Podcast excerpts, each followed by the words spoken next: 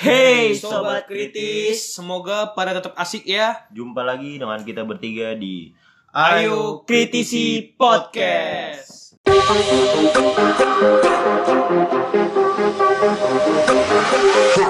Ketemu lagi dengan gue Yahya, tuan rumah Huru Hara. Di Huru Hara kita akan bahas sesuatu yang hingar-bingar, carut-marut, cetar membahana dan badai ulala berdasarkan Ulala ya bener persepsi yang dong. reflektif Ulala. dan Gitu dong. Ulala ya datar amat. Ulala. ya. Lanjut. Nah, di episode kali ini Huru Hara akan membahas mengenai isu yang lagi cetar nih, asik, membahana dan ulala. Apa tuh? Maksud gue yaitu adalah eh, Unilever Unilever memposting dukungannya terhadap LGBTQ di Instagram. Nah, jadi ini kan ini ya lumayan lumayan rame ya. Bahkan eh, Ojan sama Akang juga berkali-kali nyuruh untuk ngebahas ini Ayo kan. kita huru harain. Asik. Nah, kalau kalau dari kalian gimana? Kam, Jan. Ojan dulu. Oh, Jan dulu. Gua dulu. Nah, Ah kan sebenarnya sempat viralnya gara-gara banyak itu kan. Ah, alah boykot boykot say no to Unilever. Nah, itu gimana Jan? Ini konspirasi nih gue. oh, ka- karena ini ya di di link yang Ojan kirim ke gua, ini lu yang kirim kan tidak? Eh. Jadi di artikel di mojok.co disebutin nih kenapa kenapa kita cuma pengen ngeboikot Unilever gitu padahal kita eh, pas lagi pengen ngeboikot itu ngobrolnya lewat Facebook, lewat Instagram, lewat Google, terus lagi ngopi di Starbucks gitu kan. Nah ternyata eh, di seluruh perusahaan itu sebelumnya juga udah Mendukung iya LGBT. menunjukkan dukungannya kepada LGBTQ Duluan gitu. malah ya, duluan. duluan. Iya. Kayak Liga Inggris udah jelas-jelas bajunya Hmm. eh band kaptennya ada warna-warninya. Hmm. Kayak segala hal sebenarnya udah ngedukung LGBT duluan cuman baru ramai pas Unilever. Ah, ah. Hmm. Ah, kampanyenya Pak Jokowi juga eh canda. Oh iya. Iya kan dia Indonesia majunya warna-warni. Oke. Itu enggak tahu. Itu konspirasi orang-orang Oh, gitu. sobat apa? Sobat. Kalau ADC juga nggak ADC. Eh iya. Itu sebenarnya Iya. Ya mungkin gue mau ngebahas soal boykot boykotnya ini dulu sih. Hmm. Maksud gue barcode kan kebanyakan nih yang mengkampanyekan boykot boykot ini kan orang-orang ini ya orang-orang apa sih bisa dibilang orang-orang Islam gitu loh orang-orang kanan gitu kan Hmm. muslim muslim. Orang muslim. Beberapa.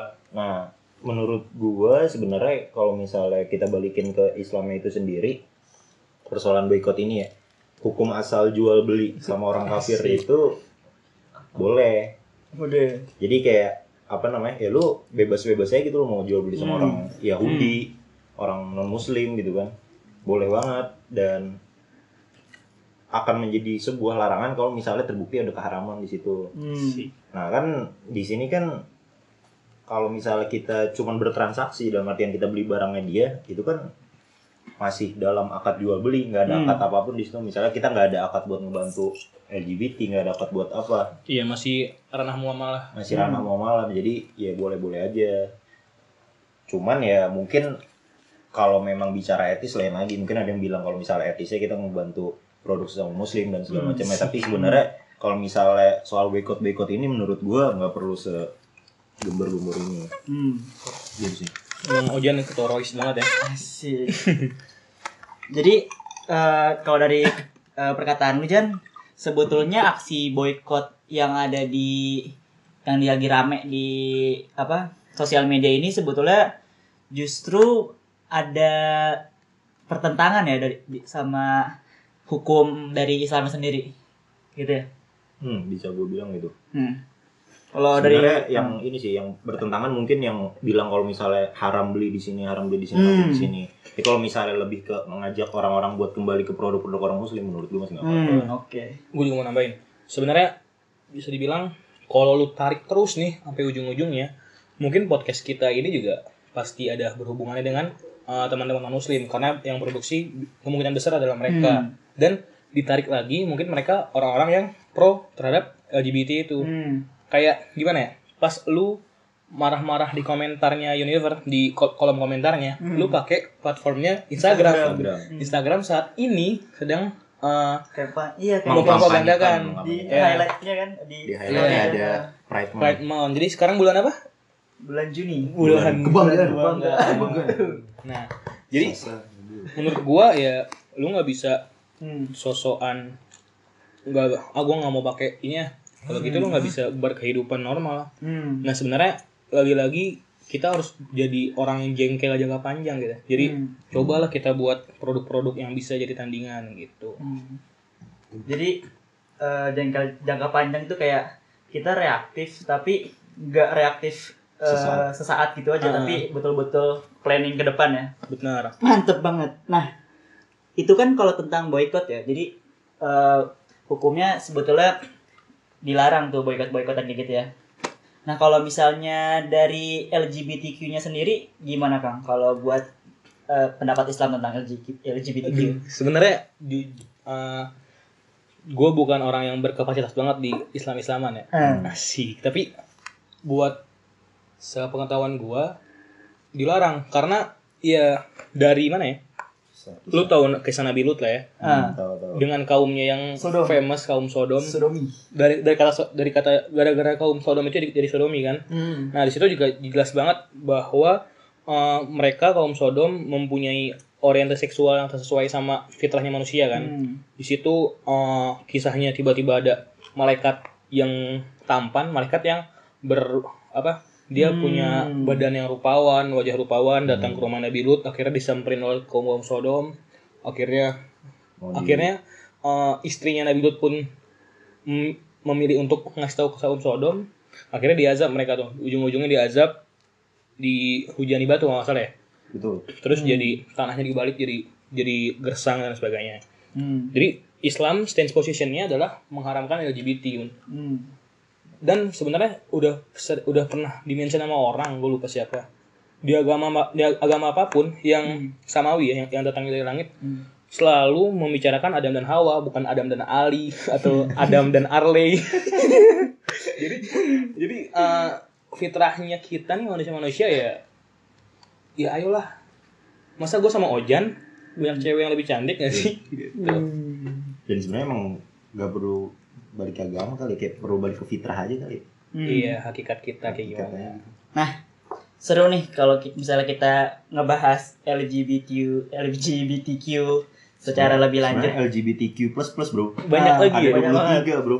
masya Allah Yang terakhir gue baca tuh. nah iya bahkan di Thailand pun gender ada berapa ya ada belasan kan Hmm. kacau Oke. sih keren keren Jadi untuk selanjutnya kita sebutnya LGBT aja ya. oke Iya. Selanjutnya kita juga bakal ngebahas tentang LGBT di mata logika. Bukan mata Ojan Bukan. Bukan di mata Ojan.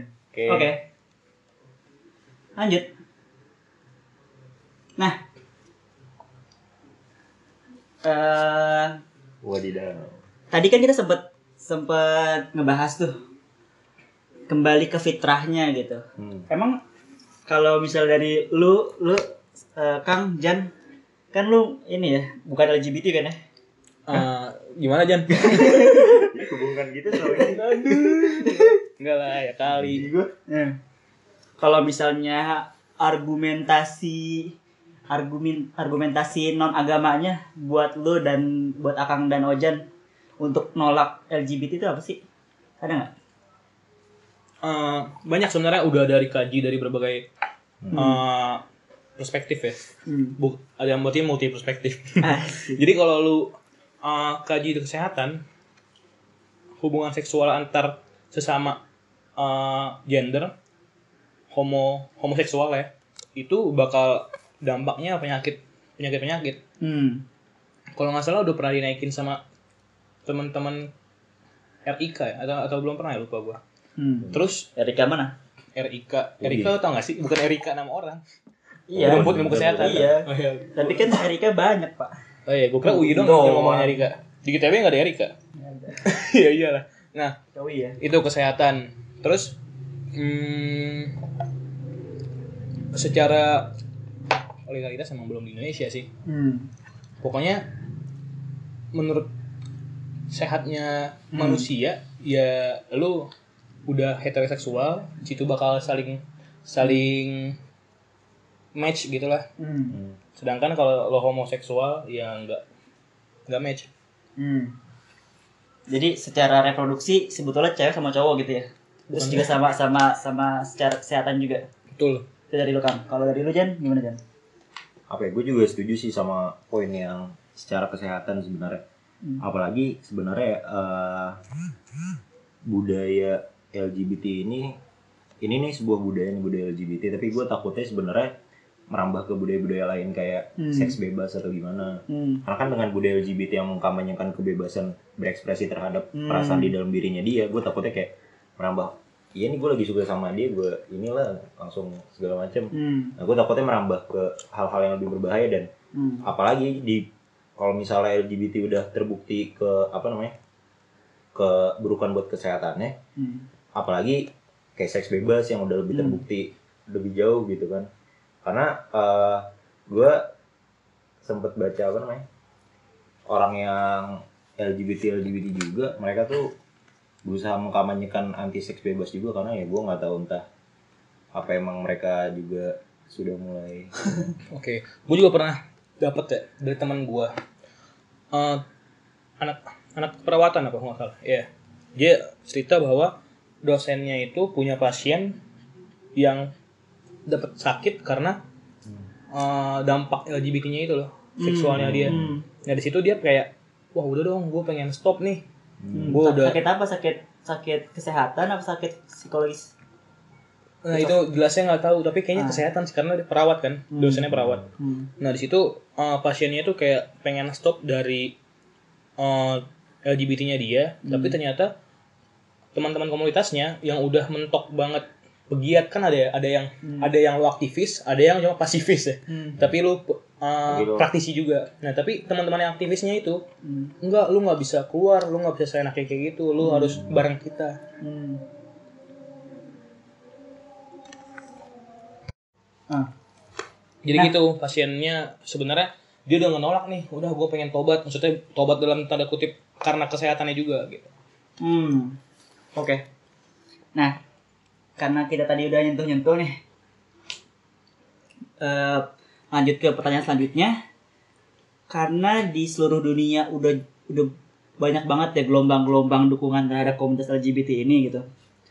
Kira-kira ada kemungkinan gak sih LGBT di Indonesia jadi bahasan misalnya di DPR gitu. Terus akhirnya dilegalkan secara bener-bener ya di Indonesia. Hmm. Gimana Jan, Kang? Siapa dulu nih? Oh Jan dulu. Dulu deh. Kalau menurut gua, kalau pertanyaannya mungkin apa enggak ya? Menurut gua ada kemungkinan walaupun itu kecil. Kenapa? Emang ya kalau misalnya sekarang orang Indonesia kebanyakan orang-orang inilah apa namanya yang masih konservatif terhadap pendapatnya. Hmm. Tapi kalau misalnya kita lihat dunia global secara keseluruhan, sebenarnya pergerakan ini tuh masif dan terstruktur banget. Tes, TSM lah, TSM. Udah kayak kecurangan. Sistematis. Eh, Eh enggak, enggak enggak. Masih dua, ini aja. ya. ya itulah. Oke, gerakan ini tuh inilah terstruktur, sistematif dan masif. Jadi kayak yang megang LGBT sekarang ya lu lihat yang kita tadi dibilang di awal perusahaan gede Unilever, Hmm. terus Liga Inggris, Hmm. Instagram dan itu kan perusahaan-perusahaan gede banget ya yang megang yang semua orang yang semua orang pakai produknya, yang semua orang ngegunain aplikasinya, ya Hmm. pokoknya perusahaan yang gede banget. Nah menurut gue dengan gerakan yang semasif itu bisa-bisa aja gitu. Misalnya ketika generasi-generasi atas kita udah keganti nanti, generasi-generasi orang tua kita yang udah otomatis, generasi-generasi muda yang megang dan mereka udah ter apa namanya terpapar ini ya menurut Hmm. gue bisa-bisa aja dilegalisasi nanti Hmm. suatu saat. Jadi eh, walaupun kemungkinan kecil tapi semakin lama semakin besar gitu ya. Betul, semakin lama semakin besar. Oke, gimana lo Kang? Iya, sebenarnya eh, legalitasnya LGBT kan udah kita tahu udah diberlakukan di beberapa negara ya. Hmm. Rata-rata negara yang memang benar menganut liberis- liberalisme. Jadi mereka yang oke free will di atas Hmm. segala. agamanya mereka. Hmm. Nah, di situ sebenarnya eh, mekanismenya mereka sabi kayak gitu karena adanya regulasi. Jadi mereka main secara vertikal regulasi dan juga mereka juga main secara propaganda grassrootsnya Hmm. horizon horizontal. Nah, menurut gua eh, sadar nggak sadar sebenarnya Indonesia lagi OTW seperti itu. Hmm. Kalau kalian paham sebenarnya mungkin kalau kita tarik lima tahun yang lalu, 10 tahun yang lalu nggak seberani ini teman-teman yang LGBT. Hmm. Nggak seberani sekarang bisa love wins, pride month, Hmm. lu bisa buat hashtag warna-warni di Instagram lu. Dulu nggak segi, nggak segitu parahnya gitu. Ya nggak sih? Hmm. Nah, itu secara grassroots. Nah, buat yang regulasi, teman-teman yang ada di parlemen menurut gua eh Teman-teman lo tuh. gue balik teman-teman aja.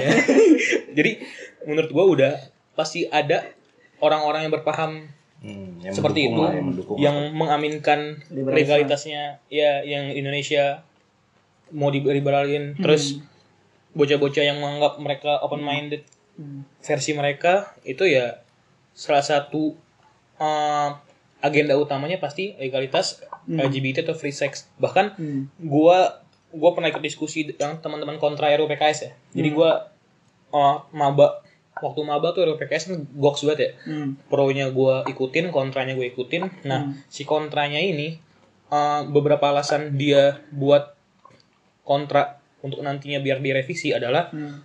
uh, ada bias pasal yang bisa berpotensi free sex-nya itu. Hmm. Sampai LGBT juga bisa diakomodir. Hmm. Tapi lebih jelas pasalnya gue belum hafal-hafal banget. Tapi yang diomongin sama itu di- diomongin sama teman-teman kontra tuh kayak gitu. Hmm.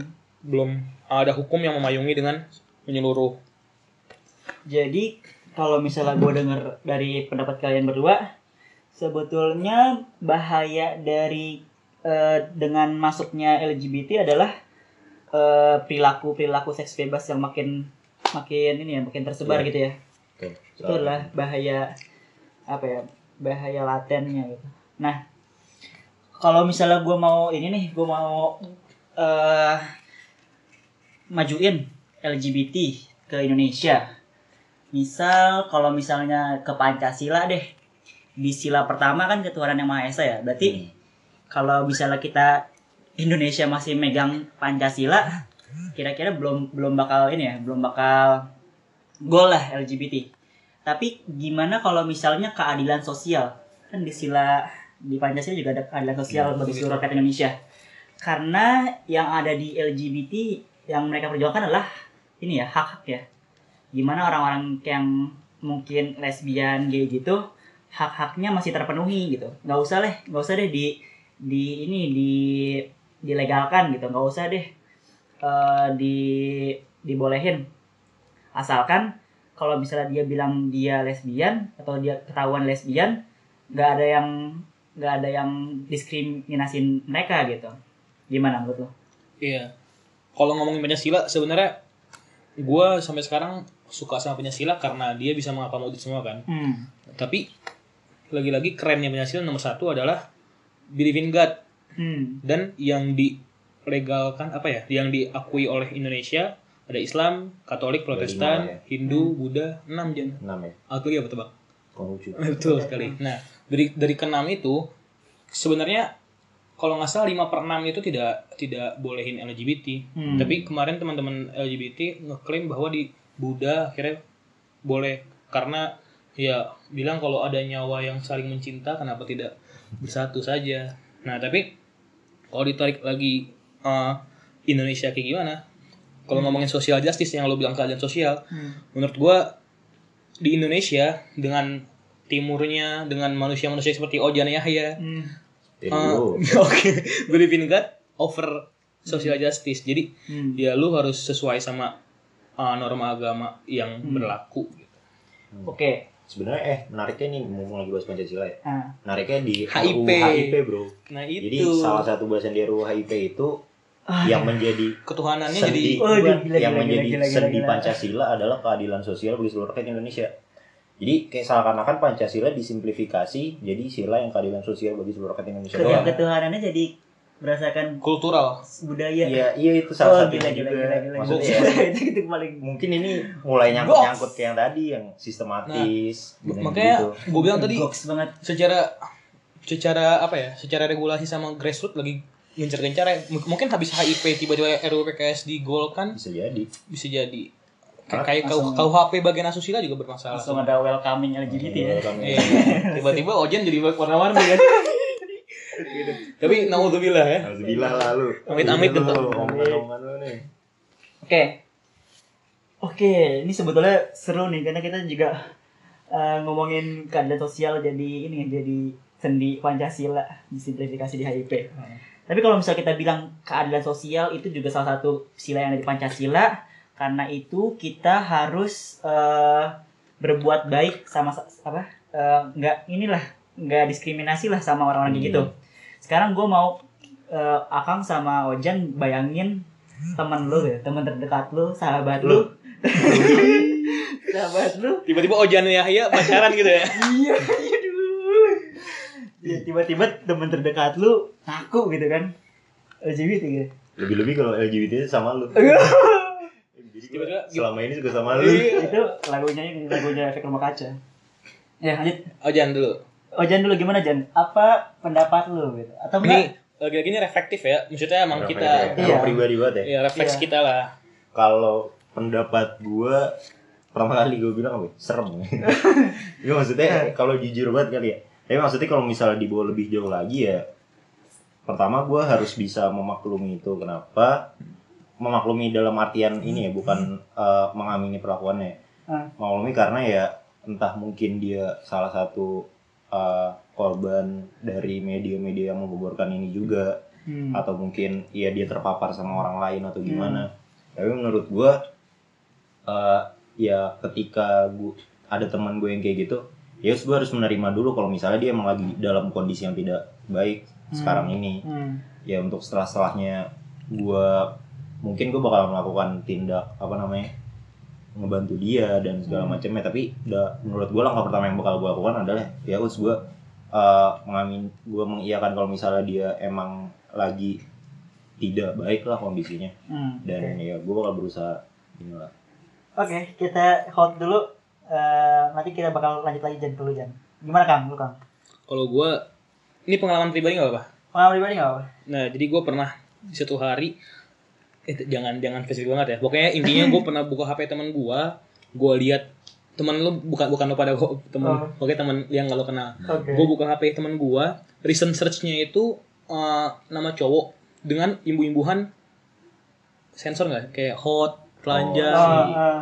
Nah, terus pas gue penasaran nih orang kenapa kok nge-searchnya cowok bukan cewek. gue buka eh, history history browsernya kan.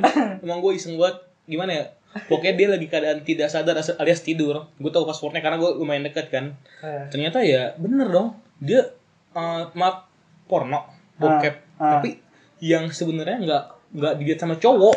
Dia tuh sama cewek. Nggak mungkin nggak tahu sih cewek menurut nama kagak ya. Pokoknya pokoknya homo deh.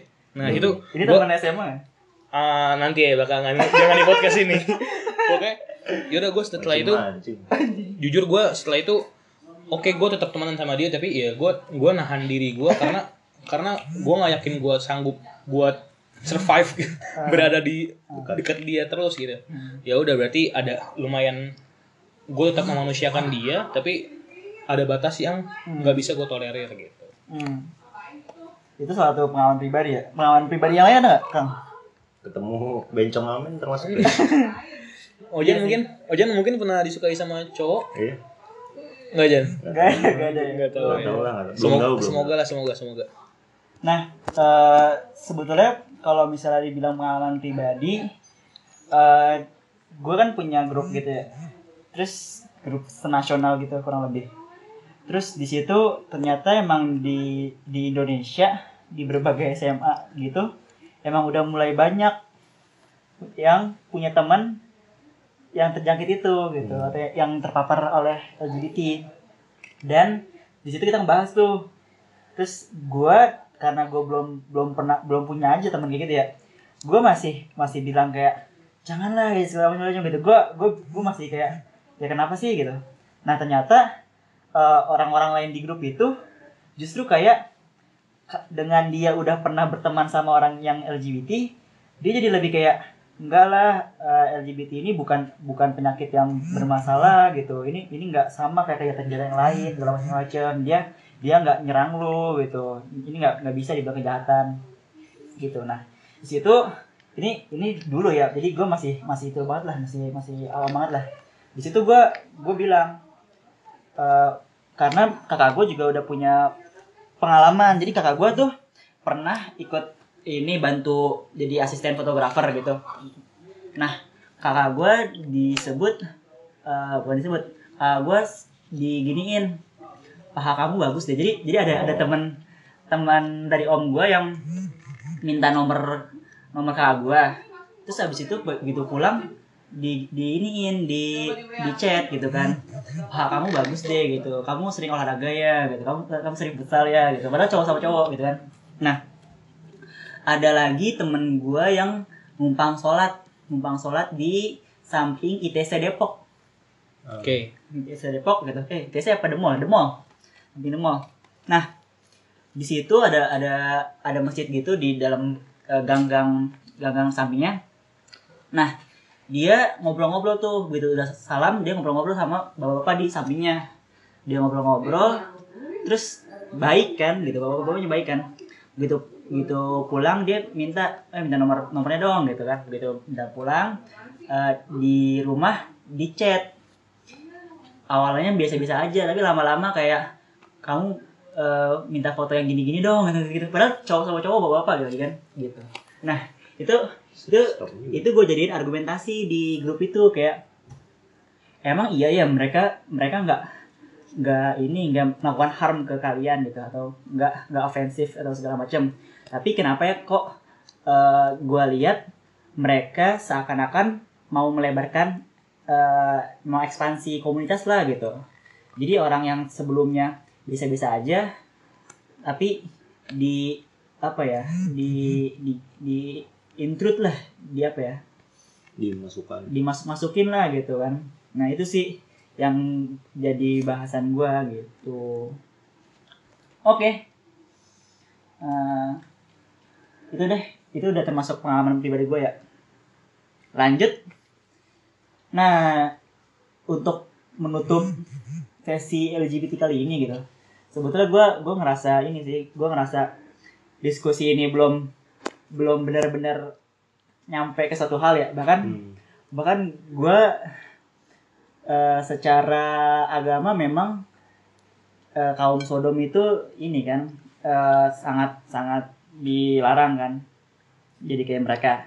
Tapi gue lihat eh, kita pun di sini masih menganggap LGBT ini itu ya kayak serem gitu ya. Terus kita seakan-akan eh, nyebut nyebut mereka dengan istilah yang outsider gitu-gitu kan. Hmm. gitu sih. Kalau dari Akang sama Ojan ada closing apa nih? Oke. Kalau dari gua intinya ya gua berharap banget gua dan keluarga gimana ya?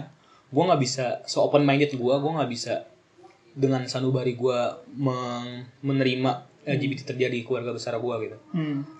Ini pokoknya perspektif gue ya, sorry banget. Tapi eh, tapi karena gua nggak mau dikucilkan, gua nggak mau diskreditkan, jadi gua Hmm. juga pengen nge-treatment mereka sebagaimana apa yang Hmm. Seharusnya seharusnya memanusiakan mereka Hmm. dan eh, buat gua yang juga memegang perspektif Islam Hmm. serendah-rendahnya iman itu menyelisihi sesuatu yang emang patut diselisihi Hmm. jadi gua bilang di sini gua menyelisihi mereka gua nggak takut karena kok kata Novel Baswedan takut atau berani nggak nggak ngerubah umur lo ya lu Hmm. takut aja eh apa lu lu berani aja buat buat bilang kalau bu- buat bilang kita nggak sesuai sama mereka gitu Hmm. tapi lagi-lagi penuhi hak mereka Oke, gimana Jan? Closingnya Jan? kalau dari gua kalau ini kan huru hara ya maksudnya dari pendapat pribadi ya Hmm. Eh, gue emang pertama buat gue menyelisihi maksudnya kayak gue nggak setuju sama ini tapi di sisi lain gue setuju banget sama gerakan-gerakan yang mencoba memanusiakan mereka sebenarnya lebih ke apa ya nge-treatment orang tuh juga ada seninya gitu Hmm. nggak bisa lu paksa seseorang buat balik seinstan itu nih. karena Jadi masuk gue. gue pernah apa namanya kayak bahkan ustadz ustadz pun gue gue pernah lihat di ustadz Abu Takeru kalau nggak salah Hmm. ustadz sekelas ustadz Abu Takeru pun pernah dicurhatin itu kayak misalnya ada jamaahnya yang kena ini juga Hmm. dan banyak juga kok sebenarnya di antara mereka mereka ini yang apa ya yang pengen keluar dari Hmm. si LGBT ini pengen Hmm. Pengen uh, back inilah back to apa ya Normal. ntar dibilang ya udahlah pokoknya pengen Itu normal, kembali iya, lah normal. kembali. Iya. jadi sebenarnya Retro. Back to nature. Iya, jadi sebenarnya gue menselisihi tapi gue men- mendukung untuk uh, memperlakukan baik. mereka dengan Hmm. baik. Oke. Eh, terakhir dari gua, gue jadi denger eh, dengar postingnya Ojar gue ingetin nih. Jadi Hanataki, eh sih Hanataki, salah satu yang menurut gua eh, bagusnya adalah eh, di Bandung kan ada dua dua geng motor ya. Eh, XTC sama apa gitu kan. Nah, Tarik jabrik. ah nggak tahu. Itu film sih. Bukan, bukan, bukan. Iya, gue tahu, gue tahu. Tapi gue yang gue tahu itu itu bukan nama gengnya. Oke. Nah, eh, metode yang dilakukan adalah gini. Ketika lu ngeliat ada orang salah, lu nggak bisa bareng-bareng lu bilang lu salah, lu salah, lu salah karena orang-orang itu gitu akan ngajak orang-orang yang lain untuk makin defensif. Dia bakal makin rapet, dia bakal ngumpulin orang-orang yang sama kayak dia dan dia akan makin defensif. Bilang kalau misalnya eh, apa ya jadi Batal kok ya. jadi bertarung gitu Konfront. jadi konfrontasi gitu.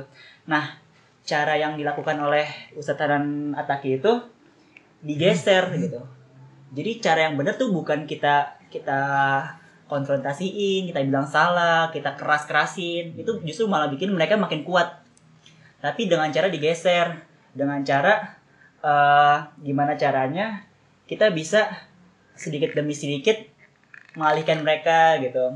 Sedikit demi sedikit kenalin sama yang benar gitu sedikit demi sedikit eh ganti lingkungannya gitu-gitu. Digeser bukan di dihantem gitu sih. Tuh eh, closing dari gua. Ya eh, kalau misalnya kita rekap tadi kita sempat ngebahas em, kemungkinan dilegalin di Indonesia kemungkinan LGBT dilegalin di Indonesia. Kita juga sempat ngebahas eh, pengalaman pribadi terkait LGBT sama ter- eh, yang awal-awal tuh ada apa tentang boykot dan kepastian kalau misalnya secara Islam itu LGBT ini dilarang ya. Oke. Gitu aja. Stop ya. Soalnya udah. eh.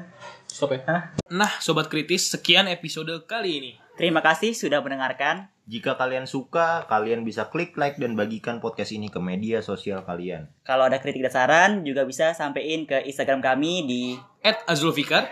At mf underscore ojan. @yahyakir dan at Ayo Kritisi Podcast. Sampai jumpa di Ayo Kritisi Podcast episode selanjutnya. Berpikir kritis bukanlah pilihan. Kritislah sebelum kritis itu dilarang. Gua Akang.